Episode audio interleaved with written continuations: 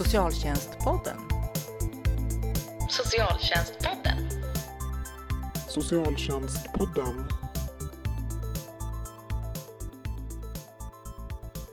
Välkommen till Akademikerförbundet SSRs podd.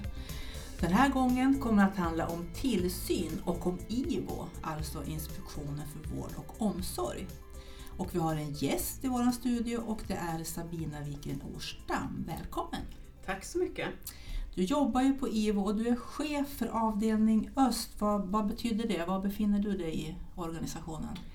Ja, jag befinner mig i att jag ingår i myndighetens ledning och jag företräder då har eh, en regional avdelning av sex regionala avdelningar.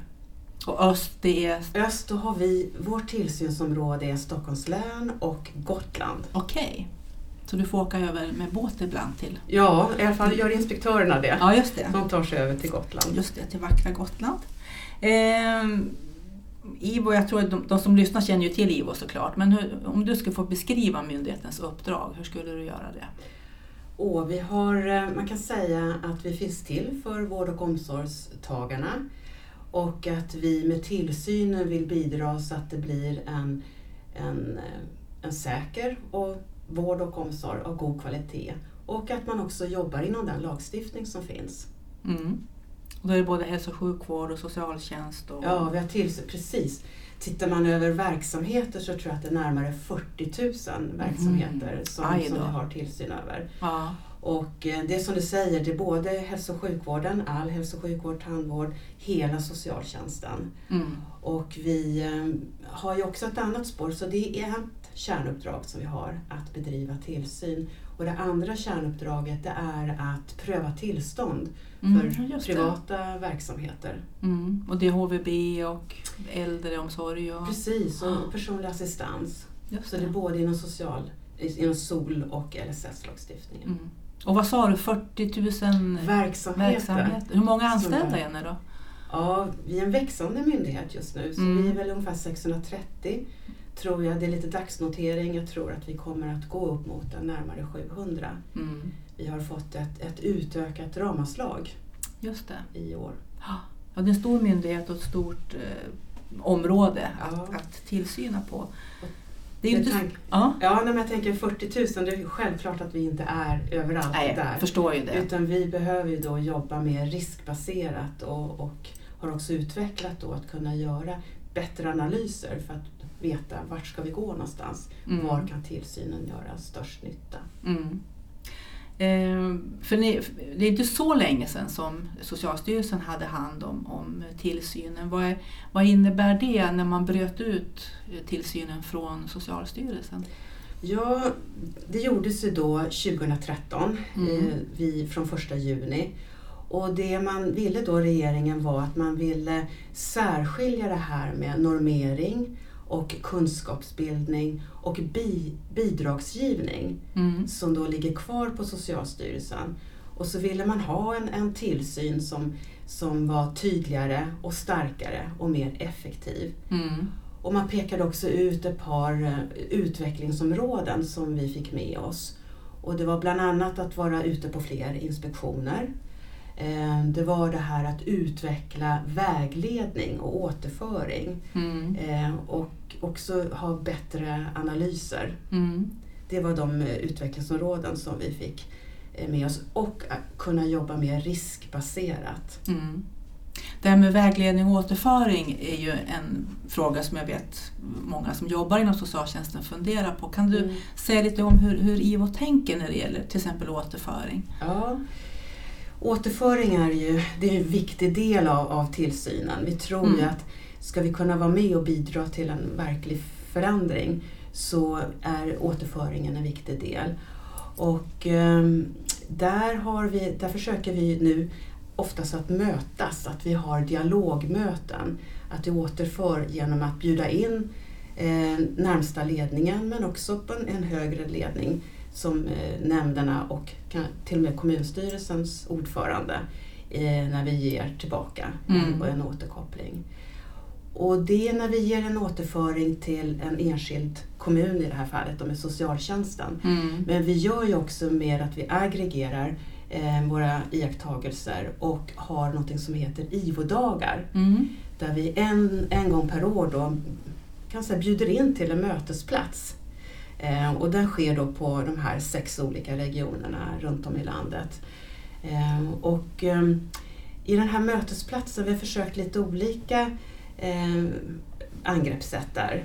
Eh, I år så hade vi, eller förra året då i höstas, försökte vi lyfta upp några strategiska frågor som vi då bjöd in företrädare för ledningarna både inom kommuner och landstingen Mm. och kunde föra eh, diskussioner med. Och vi har också sett att vi har haft möjlighet att, att visa på goda exempel. Tillsynen har ju som, som sitt uppdrag att liksom identifiera brister Mm. i verksamheterna och vi har fått eh, synpunkter på det. Tittar ni bara på det som inte fungerar? Ja. Jag kan inte också liksom bidra med goda exempel. Och uppdraget handlar ju om att identifiera brister Mm. och kunna ge en återföring.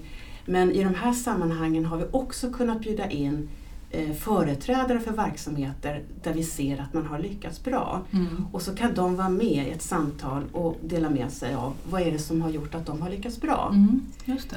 Så att vi skapar mötesplatser för det. Mm. För lärande måste ju vara en nyckel. Jag tänker lite, lite, lite grann i vår roll lite grann samma som fartkameror. Alltså det handlar Mm. inte om att sätta dit så många som möjligt för fortkörning utan det handlar om att bidra till att, att man kör på rätt sätt så att säga om du förstår vad jag Ja, menar. absolut. Det måste ju liksom vara grunden. det, är en, det är en bra, eh, en bra metafor. Ja, Eh, Jag tänker också det du sa, du sa att återföring var den ena delen. ja. Det här med vägledning. Mm. Ehm, Det, när vi träffade kommuner och landsting inledningsvis när vi då startade upp IVO så var det ett eh, medskick som vi fick att vi behöver, vi vill gärna få tillbaka det som vi hade tidigare, framförallt inom socialtjänsten, att kunna få vägledning. Mm.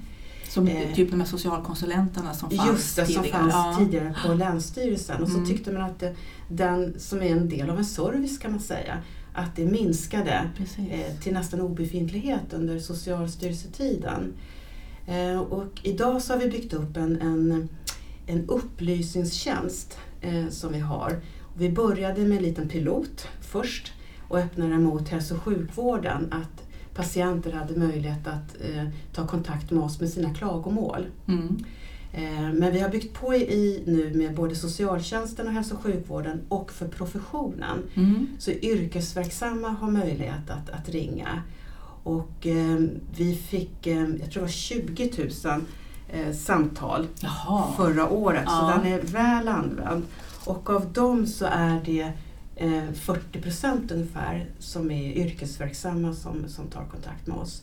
Och man kan ringa eller man kan skicka via e-post. Mm. Om man till exempel jobbar med ett LVU-ärende, kan man då ringa och, liksom och resonera att jag funderar på den här tolkningen eller vad, vad, är, vad typ av vägledning kan IVO ge? Ja, dels hur lagstiftningen, eh, hur den, vad den säger. Ja, Eh, Men vi kan också säga, beskriva våra principärenden där vi Mm. har fattat mer principiella beslut och ge vägledning i det. ja, just det, ni relaterar till. Ja, Jag tänker ofta så är det ju så med Socialstyrelsen, eller överhuvudtaget vara en myndighet, så får Mm. man ju vara så försiktig med Ja. vad, man, vad man säger. Liksom. ja, och det är en grannlaga uppgift. Ja, ja. Därför vi kan ju verkligen, Mm. så att vi inte så att säga sitter i knät på det sättet och sen kan vi få det tillbaka. ja utan- precis. och vi hänvisar ju också till, vi har ett bra samarbete med upplysningstjänsten på Socialstyrelsen Mm. Så att vi, vi kan hänvisa också när, när det är frågor som mer hör hemma på Socialstyrelsen. Mm.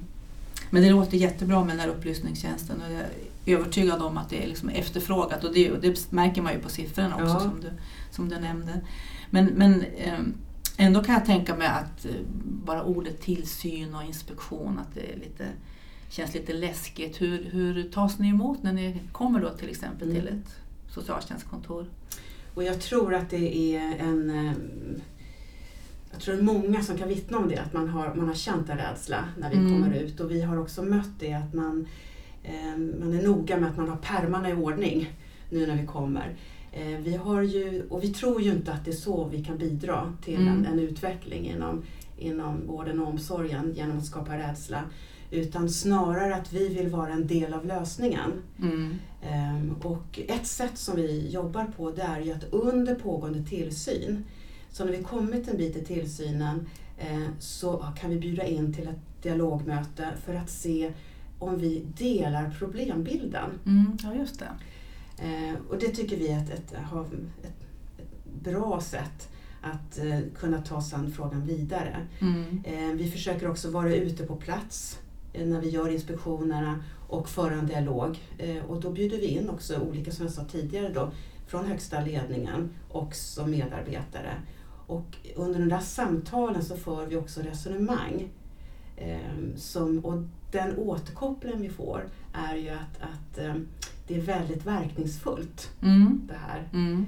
Eh, och ibland när vi har kommit tillbaka, ibland följer vi upp våra inspektioner också, så säger de vad bra det var, ni satte fingret precis på de där frågorna Mm. som vi behövde utvecklas. Och det var precis det vi behövde för att kunna komma ett steg vidare. Mm. Just det. Och det måste ju vara det som är förhållningssättet så att säga. Absolut. Inte s- s- komma liksom att hänga ut någon syndabock eller liksom Nej. peka. Men jag, men jag förstår att det är, det är väldigt balansgång för det är klart att ni vill ju också att myndigheten, det ska ju vara, vara respekt och liksom att man liksom har, verkligen har ordning på Absolut, Saker det, det är ju viktigt med vår legitimitet. Men Mm. vi har ju, kan vi säga, en, en verktygslåda av olika verktyg då, så vi kan använda tillsynen. Och det här är ju de mer främjande Mm. då med, med upplysningstjänsten och med att man kan ha de här dialogmötena. Men det är lika viktigt för oss att kunna använda dem som att verkligen använda våra skarpa verktyg Mm. när så behövs. Mm. Och då handlar det om att ställa krav på åtgärder, eh, ibland med viten Mm. och ibland det yttersta och ganska sällsynt men det händer att vi stänger ner verksamheter. Mm. Eller tar tillbaka eh, tillstånd till exempel. Då. Mm. Just det. Återkallar tillstånd. Mm. Så det är både främjande och lite repressiva Ja. inslag. Liksom. Ja. Men ehm, hur, eh, hur mycket eh, liksom regelstyrt att ni, ni, det här är liksom säger man i re- regleringsbrev eller vad det kan vara, att det här måste vi göra och hur mycket kan ni initiera på egen hand? Ja, vi strävar ju åt att kunna jobba precis det som vi fått i uppdrag, att jobba riskbaserat Mm. eh, och identifiera där vi tror att vi gör störst nytta.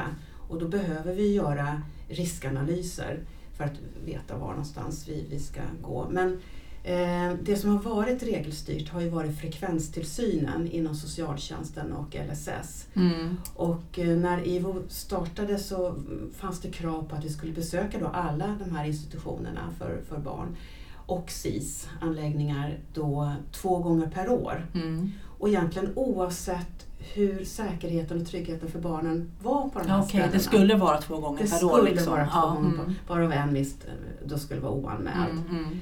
Och det här det styrde ju upp våra resurser väldigt kraftigt och vi Mm. såg att det fanns andra områden inom socialtjänsten där vi skulle kunna vara med och bidra med vår tillsyn Mm. till utveckling. Men där vi då inte hade möjlighet att prioritera det därför att det gick, eh, resurserna var bundna då till de här, den här frekvenstillsynen. Mm. Eh, och där har vi, fick vi också gehör från regeringen att man då inte tog bort frekvenskravet, vilket var det som vi var mest önskvärt för oss, Mm. utan man reducerade det till att det är en gång per, per år. För det är ju så att det finns ju verksamheter som, som vi kanske skulle bara behöva besöka vartannat, vart tredje år. Precis. Eh, Medan andra skulle behöva ha kanske tre gånger per år Mm. ha besök. Men det finns ändå utrymme att ni som sagt utifrån riskanalyser gör egna, tar Just egna det. initiativ. Absolut, Ja. det, det gör vi. Eh, Det här, kommer det fram eh, mycket klar, alltså enskilda som hör av sig till er och säger att jag har haft kontakt med socialtjänsten och det här det var åt skogen? Ja, vi får eh, klagomål Mm. Och de kommer in både genom upplysningstjänst eller att man skriver till oss eller ringer också och pratar. Och en del av dem blir ju då att vi öppnar ärenden. Eh, och mycket annat blir ju viktig information i de här klagomålen Mm. som vi då kan använda i vår riskanalys. Eh, och som vi kan då gå ut och, där vi då tar, e- tar egna initiativ till att eh, göra eh, inspektioner. Ser vi att det kommer många klagomål på en kommuns handläggning, vi kanske får in också lex Maria därifrån, och vi gör numera också så att vi tittar på andra datakällor eh, kombinerat med våra egna iakttagelser. Mm. Och då får vi en ganska bra bild som Mm. ett utgångsläge Mm. när vi går ut och ska göra tillsynen. Mm. Just det. Eh, Kan du säga någonting om hur, hur, hur vanligt är det? Hur många enskilda klagomål får ni in? Har du någon? Ja, när det gäller hälso och sjukvården så var det över 7000 Ja. sådana klagomål som vi tog emot förra året. Och när det gäller socialtjänsten så var det drygt 4000. Mm. Det är ändå ganska mycket. På, Ja. ja. Ja, det är det. Mycket handlar om bemötande. ja, just det. Mm, bemötandefrågor. Och det låter ju som att ni försöker liksom sålla, att ni utgår från att det finns någonting i, i alla klagomålen men att ni hanterar ibland som eget ärende men ibland som att ni har med det som känns som bakgrund eller vad man ska säga. Just det, att det, allting blir ju en del ändå i vår ris- riskanalysarbete, men mer aggregerat då. Mm. Precis så. Jag tänkte att vi skulle kunna ta något exempel eh, som illustrerar lite mer både läget i socialtjänsten och, och eh, ert arbete då med, med tillsynen. Och det är ju då hösten 2015 när vi fick så Mm. många eh, ensamkommande flyktingbarn och där var ju IVO, hördes ju i media och så. Eh, kan du berätta lite grann om vad gjorde ni för iakttagelser till följd av det där? Ja, nu när det har gått lite tid och vi kan liksom eh, titta mer retrospektivt på den där perioden så måste man ju säga att vi ändå är imponerade över den kraftsamling som man gjorde inom socialtjänsten. Eh, och på det sätt som man hanterade den uppkomna situationen. Mm. Det var ju svårt att föreställa sig att vi skulle hamna inför det. det med de mängder av ensamkommande barn framförallt då som, som kom in. Eh, så det måste vi ju ge en eloge tycker jag till, till socialtjänsten på Mm. det sätt de hade att hantera. Eh, det ställde ju också utmaningar för oss. Mm. Eh, därför att eh, regelverket ligger ju kvar. Mm. Mm. Det ändrades ju inte. Vi, har, vi kan ju liksom inte gå ifrån Nej, regelverket. precis det. Nej, men ni, ni kan skippa den och den paragrafen. Nej. precis. Eh, och, det, och det var ju så också att, att det var flera kommuner som efter en tid eh, skickade in lex Saror, alltså använde det institutet för att tala om att nu förmår vi inte att klara lagstiftningen. Ehm, och där kan ju vi inte säga att ja, ni har rätt att göra avsteg Nej, från det. Men vad vi valde att göra då, det var att, att ehm, dels så rapporterade vi regelbundet till departementet Mm. Ehm, tillsammans med andra myndigheter så fanns det sådana regelbundna avstämningar. Ehm, och dels så tillskrev vi då de här kommunerna att vi hade tagit emot det här och hur vi hanterade frågan vidare och att det inte gick bara till nämnden utan det gick då till kommunstyrelsen och kommunfullmäktige. Mm. Nämligen den nivån som inom kommunen hade också möjlighet att göra omprioriteringar. Mm. Det var viktigt för oss att, att eh, skicka de signalerna. Mm. Så ni försökte ju både, man kan säga så här att myndigheten hade ju förståelse för situationen eh, samtidigt som ni försökte liksom att upprätthålla liksom lagar och regler eller hur man ska säga. Ja, och vi, om man tänker sig, jag vet så väl att i början på, på 2015, på våren, då var en viktig fråga hos oss om skulle barn få dela rum? Ja, just det. Det var en sån fråga Ja. på, på just de här HVB-hemmen. Ehm, och sen kom hösten och då blev frågan snarare trygghet och säkerhet och tak över huvudet Mm. För dem. Så att det var faktiskt en, en, en, en balansgång också för oss att, att, ehm, att säga att vi fokuserar just nu på trygghet och säkerhet. Mm. Det är det som är, vi har i fokus när vi är ute och tittar. Och en annan sån iakttagelse som vi nu kan se så här efteråt det är ju att i, i kölvattnet av det här så, så var det också andra mindre seriösa aktörer som då startade upp verksamheter. Eh, och kommunerna stod ju i ett, eh, i ett läge där de behövde få just de här platserna.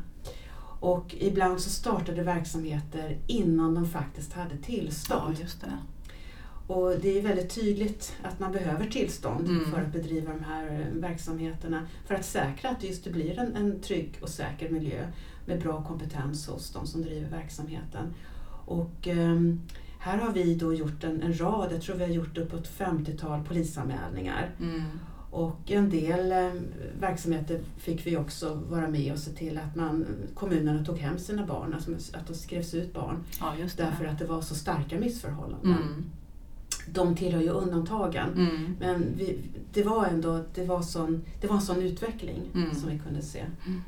Är ni i fatt nu eller ligger ni fortfarande efter utifrån den arbetsbelastning som det blev även på myndigheten? Ja, nej, men vi, 2015? absolut. Och vi, vi lyckades ju göra våra inspektioner, Mm. våra frekvenskrav under den här tiden. Mm. Vi har jätteduktiga medarbetare Mm. och väldigt eh, både erfarna och eh, eh, kunniga.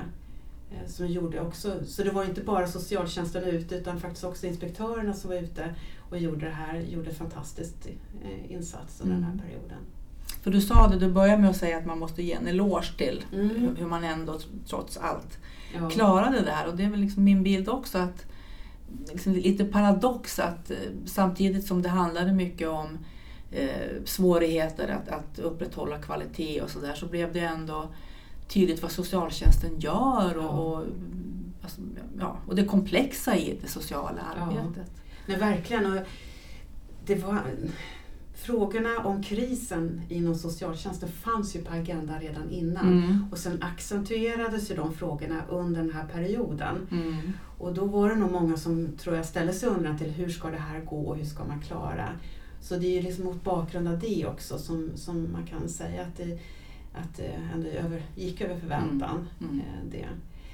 Eh, Samtidigt så, så, eh, för nu är vi inne i ett annat skede och eh, jag tycker att ska man se någonting som ändå den här perioden har fått med sig, det är ju att, att eh, man kan se hur svårt det sociala arbetet är, Ja. hur komplext det, Mm. det är. Mm. Och, eh, så de här medvetenheten om, har ju ökat, om jag ska säga någonting generellt, Mm. som eh, de intrycken som vi har fått. Mm. Och det satte också ljuset på eh, vad en utbildad socionom egentligen sk- ska göra. För det var ju mycket diskussioner, för det är så mycket praktiskt som skulle Mm. behövde ordnas eh, för, för att göra det bra för barnen Ja. som, som kanske socionomer fick ägna sig åt istället för att ägna sig åt socialt arbete. Och jag tycker att jag hör mer av de diskussionerna när vi möter då kommunföreträdare. Att man idag försöker också titta på hur kan vi använda andra kompetenser Mm. inom socialtjänsten ehm, för att klara uppdraget helt enkelt. Mm. Att vi använder då socionomer till det som vi, vi där de är unika i sin kompetens men där vi också kan komplettera och då handlar det mycket tycker jag om det här med administrativt stöd Mm. som också blev så tydligt under den här krisen att man inte bara skulle möta och träffa barnen, man skulle boka tolk och man skulle boka Ja, olika andra saker. Att få avlastning i, i, i de delarna. Ehm, vi hör också att en del prövar med att ha eh, anställa pedagoger just inom, om vi pratar om den sociala barn och ungdomsvården. Mm. Ehm, och mer kanske arbeta mer med team med Mm. olika kompetenser. Mm. Också hört om att man har hälso och sjukvårdspersonal mer eh, närmare tillgänglig. Mm. Och det är ju bra för där ser vi att det har brustit, framförallt när det gäller placerade barn, att både när det gäller skolgången och när det gäller tillgången till hälso och sjukvård. Mm. Att man då faktiskt försöker möta upp det genom att jobba mer team. Mm. Jag hoppas att det, det håller i sig. Men sen tänker jag att det finns ju ändå en behörighetsreglering om socionomer och motsvarande. Eh, och jag gissar att ni också stöter på att kommuner har svårt att rekrytera socionomer. Ja. Hur, hur ser det ut? Nej, och det är ju, det har ju vi sett under en längre tid och det framför allt har det varit på mindre orter mm. som man har haft svårt att, att rekrytera. Och, um, någonting som vi har sett eh, över tid det är ju att även, även inom socialtjänstens område så har man nästan hela enheter med bara inhyrd personal. Mm. För det är ju så man har försökt att lösa inom hälso och sjukvården. Mm. Och där har vi kunnat se det över tid. Men, men här inom socialtjänsten tycker jag att det har varit mer av en ny företeelse, att det varit i den omfattningen. Och då tänker jag att då det här med introduktion, Mm. det ställs ju på sin spets Mm. när, när, när det kommer. Och även om du har utbildad personal så finns det alltid lokala rutiner och arbetssätt som man behöver få en introduktion i. Mm. Så um, visst har det varit en utmaning, det Mm. möter vi ju när det gäller personalförsörjning. Precis, och mycket handlar ju om att, man, att kommunerna inte har gett bra eh, förutsättningar för socionomerna att, att göra ett gott jobb. Och jag tänker att arbetsmiljöfrågor, så jobbar ni någonting med Arbetsmiljöverket eller är det liksom helt vattentäta skott er emellan? Nej, absolut inte. Mm. Och det är ju ett sådant område som vi har fått eh, synpunkter om, om under åren. Att, Mm. att eh, från statligt håll så kan det komma från olika tillsynsmyndigheter inom en ganska kort period. Och ibland så är det dessutom motsägelsefullt det ni, det, det ni säger. Mm. Eh, Så det här har vi tagit på allvar och vi, eh, vi har, i år så gör vi det också strukturerat i pilotform tillsammans med Arbetsmiljöverket. Mm. Eh, Och vi gör det inom ramen för den här tillitsdelegationen, Mm. deras uppdrag, Mm. Där vår generaldirektör då, Gunilla Hult Backlund ingår Precis. i, i där. Och eh, för inte allt för länge sedan så var de med då, generaldirektörerna eh, och träffade nätverk av socialchefer då, som SKL håller i och var med i en workshop just kring de här frågorna. Mm. Kring hur kan, kan vi bidra med våra två olika perspektiv, Arbetsmiljöverket och, och eh, IVO, Mm. eh, på ett bättre sätt och på ett mer samordnat sätt. Så nu planerar vi ihop gemensamt eh, två piloter, både inom hälso och sjukvården och inom socialtjänsten här i år, som vi också kopplar följeforskning till. Mm. Så det ska bli jättespännande Mm. att ta del av det framöver. Jätteintressant. För klart, eh, IVO är ju angelägen om kvalitet och så i det arbete som socialtjänsten och det är ju Även om det är utbildning och kompetens i botten så handlar det ju mycket om att socialarbetarna måste, de använder sig själva som verktyg så att säga Ja. och måste ha bra arbetsmiljö. Ja. Så är det ju. Eh, vi har pratat om eh, personalförsörjning och så. Eh, jag har också sett i era, era tillsynsrapporter att det här med samverkan verkar vara ett återkommande Ja. problem. Och vi hade upp det i vår förra podd pratade vi om missbruk och beroende och då det, där är det samverkan man, man efterfrågar. Det verkar vara så svårt att få till. Ja, och det, precis så. Det, det har vi sett och det är ju verkligen ingenting nytt. Eh, och vi ser att alla tar ju på något sätt sitt ansvar men ingen tar ett helhetsansvar. Eh, och det är återkommande både inom hälso och sjukvården och inom socialtjänsten. Så det är klart att där, har vi, där är en av utmaningarna, Mm. verkligen. Mm. Och där, ja, det är en fråga som har varit på tapeten många, många år att få till den här Ja. samverkan. Så, så, ja, jag sa det i podden med missbruk och beroende också, hur svårt kan det vara? liksom. Hur svårt kan det vara?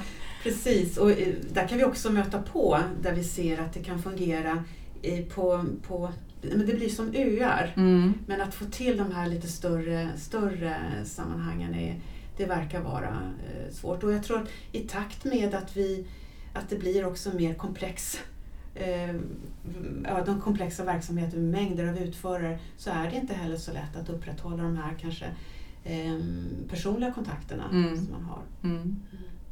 Jag tänkte när du, när du beskrev myndighetens uppdrag så sa Mm. du någonting om att ni finns ju till för patienter och brukare och så. Eh, hur är det med barnperspektivet i? Hur, hur bevakar ni det? Ja, det är ju någonting som vi också försöker eh, att eh, jobba med. Det är ett viktigt perspektiv som, som vi har med oss. Och jag tänker, eh, ett sätt är ju också att vi, vi träffar ju väldigt mycket barn. Mm. Eh, Vi har ju dialog med alla barn. Som vi, som vi erbjuder möjligheten till samtal med oss när vi är ute på våra frekvenstillsyner. Okej, hur går det till då?